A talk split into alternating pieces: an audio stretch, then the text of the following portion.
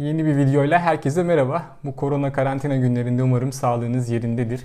Bu videoda Ursula Le Guin'in kimileri tarafından başyapıt olarak gösterilen mülksüzlerine bakmaya çalışacağım. Öncelikle kitabı okurken çok zorlandığımı belirtmek istiyorum. Bir defa çok uzun sürdü. İçindeki fizik kavramlarını anlamakta çok zorlandım. Bazen kitaptan koptuğum oldu ama eğer sonuna kadar dayanırsanız mutlaka çıkaracağınız dersler var. Bir defa kitap e, birçok tavsiye kitap listesinde bulunmakta. E, bir başyapıt olarak gösteriliyor edebiyat çevrelerinde. Ursula Le Guin'den ve dönemden bahsedeceğim. Ursula Le Guin 1929 doğumlu ve Berkeley doğumlu. Şimdi Amerika'da Batı'yı düşünelim 1929'da aslında Berkeley hip hareketlerinin başlangıç noktası ve çok kritik bir nokta. Dolayısıyla Ursula Le Guin'in bundan etkilenmesi ve anarşik bir roman yazması şaşılacak bir durum değil. Aynı zamanda kitabı da Soğuk Savaş yıllarında yazıyor. Yani Amerika ile e, Rusya'nın birbirlerine karşıt oldukları zamanla yazıyor. Zaten kitap bu dönemi anlattığı iki farklı gezegenle çok net temsil ediyor. Uras ve Anares. Uras USA'dan gelen aslında kapitalist sistemi anlatan taraf. Anares ise anarşizm kelimesinden gelen bir farklı gezegen. 1975 yılında bilim kurgu romanlarının Oscar'ları diye tabir edilen Hugo ve Nebula ödüllerini de kazanmıştır Mülksüzler. Bu ödüllerin bir özelliği var ama özellikle Nebula Amerikan Bilim Kurgu Yazarları Derneği tarafından verilen bir ödül ve e, iştiraklerini muhafazakarlar oluşturuyor e, muhafazakarların anarşist bir romana ödül vermesi pek de rastlanır bir şey değil ama ona rağmen Le Guin mülksüzlerle bu ödülü kazanıyor. Kitabın yazılma hikayesi çok güzel.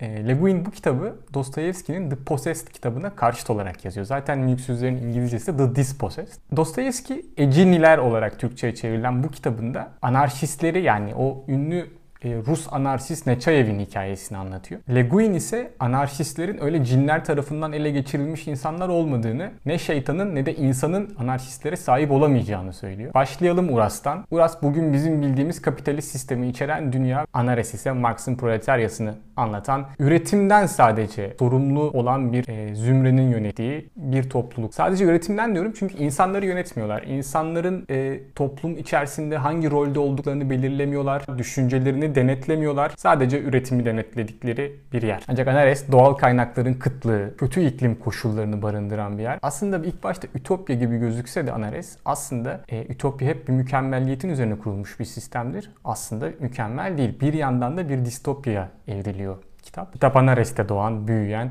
fizikçi Şevek'in Uras'a olan seyahatini ve ardından tekrar Anares'e olan seyahatini anlatıyor ve onun gözlemleri üzerinden, onun dünyasından biz bakıyoruz bu iki gezegene. Kitabın beni etkileyen yerlerine gelecek olursak, kitap ilk başta Şivek'in, fizikçinin Anares'ten Uras'a yolculuğuyla başlıyor. Çok ilginç çünkü Şivek aslında hiç görmediği, kendileri için bir uydu gibi olan gezegeni, keza onlar için de Şivek'in gezegeni bir uydu. Bu da çok ilginç bir terslik. Oraya gitmeyi istiyor. Oradaki insanları tanımak istiyor. Kendinden doğasını ilk çıktığı yeri, ana mayayı bulmak istiyor. Bu çok doğal bir istek ve kendi olduğu toplumu da eleştiriyor. Neden diyor oraya gitmekten korkuyorsunuz? Orada kapitalist düzende nefsinizi görmekten mi? O insanların aynasında kendi içinizdeki o nefis isteklerini görmekten mi korkuyorsunuz? O yüzden mi onlara öcü gibi davranıyorsunuz aslında zihninizde diye eleştiriyor. Peki Uras'a gidince ne oluyor? Buradaki kapitalist düzen de ona aşırı geliyor. Yani bir türlü aslında okuyucu gibi ne o dünyaya ait olabiliyor ne o dünyaya ait olabiliyor.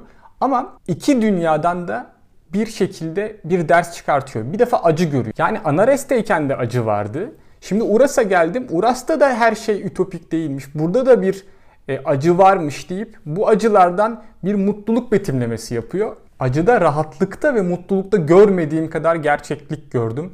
Ve buradan artık sıçramam daha kolay. Şevek aslında burada Dostoyevski'den bir alıntı yapıyor. Der ya hani büyük yazar. Ben en büyük korkum acılarıma dokunamamaktır diye. İşte acılarına dokunan fizikçi aslında buradan buradan daha başka bir fizikçi olarak öteki tarafa gidiyor. İşte birbirlerini kendi ayları gibi gören iki gezegenin değerini anlayabilmek için bir diğer gezegenden kendininkine bakması gerekiyor.